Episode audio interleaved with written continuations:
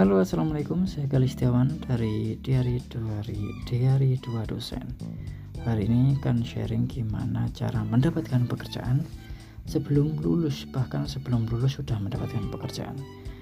Hmm, Saya akan cerita tentang kisah saya. Waktu itu masih skripsian ya masih S1 skripsian uh, tinggal revisi dikit-dikit uh, tapi sudah melamar ke beberapa beberapa uh, studio animasi. Karena memang waktu itu saya pengennya uh, kerja di studio animasi. Berbekal portofolio yang telah saya buat waktu zaman kuliah. Karena uh, karena pas kuliah itu saya memang mentargetkan punya punya beberapa portofolio. Uh, yang uh, yang nantinya bisa digunakan untuk proses lamaran lamaran pekerjaan ya. Jadi di email itu uh, untuk melamar pekerjaan dicantumkan juga portofolio atau hasil karya kita yang sesuai dengan job yang ditawarkan atau job yang kita apply job yang kita lamar gitu. Nah, berbekal itu akhirnya sebelum saya uh, ini sebelum saya lulus saya sudah mendapatkan tawaran. Walaupun pada akhirnya memang nggak saya ambil karena ada tabrakan waktu dengan wisudanya. Jadi saya harus berada di uh, luar Jawa atau di uh, tempat studio tersebut. Uh, dan akhirnya saya nggak bisa wisuda. Padahal kan ya wisuda kan ya sekali seumur hidup mungkin ya. Jadi tidak ingin saya lewatkan lah Uh, tapi intinya itu yaitu bagaimana caranya ya ya tentunya harus dipersiapkan dari uh, pas kuliah awal-awal itu memang harus bikin banyak portofolio, bikin banyak uh, project yang sesuai dengan pekerjaan yang diinginkan.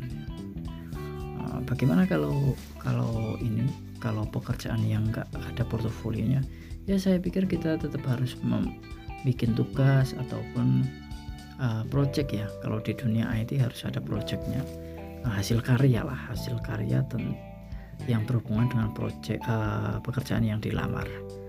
Dan juga tentunya harus melamar banyak pekerjaan karena memang saingannya juga nggak sedikit sih. Jadi harus uh, uh, melamar banyak banget ya masa sih uh, dari sekian banyaknya nggak ada yang keterima. Jadi tetap harus mencoba melamar ke banyak tempat yang akhir yang harapannya bisa keterima lah salah satu dari uh, pekerjaan yang dilamar tersebut.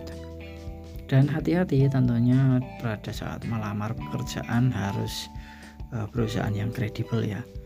Uh, jangan perusahaan yang ecek-ecek harus dicek dulu punya uh, karena kan kita menyerahkan data kita ya nah, ada nama ada nomor telepon di sana ada ijazah mungkin. Nah, cuma kita kirimkan ke orang yang nggak tepat kan bahaya banget.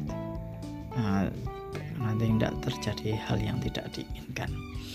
Bahkan di Kuwora saya baca juga oh, dia ada orang yang melamar tuh uh, dalam satu waktu bisa uh, puluhan ya. Jadi memang harus melamar ke banyak tempat sih biar ya probabilitas uh, kesuksesannya naik lah masa sih dari sekian banyak nggak ada yang keterima kan?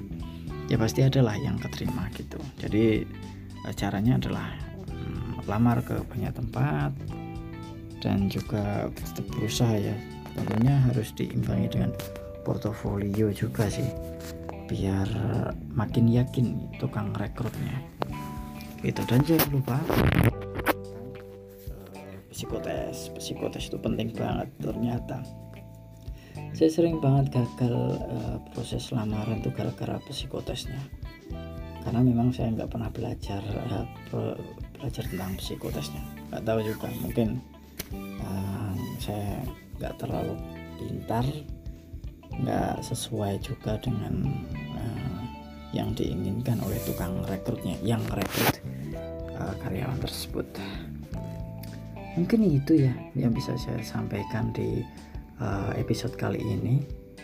Hmm, ya gitu aja. Terima kasih. Sampai jumpa. Assalamualaikum. thank you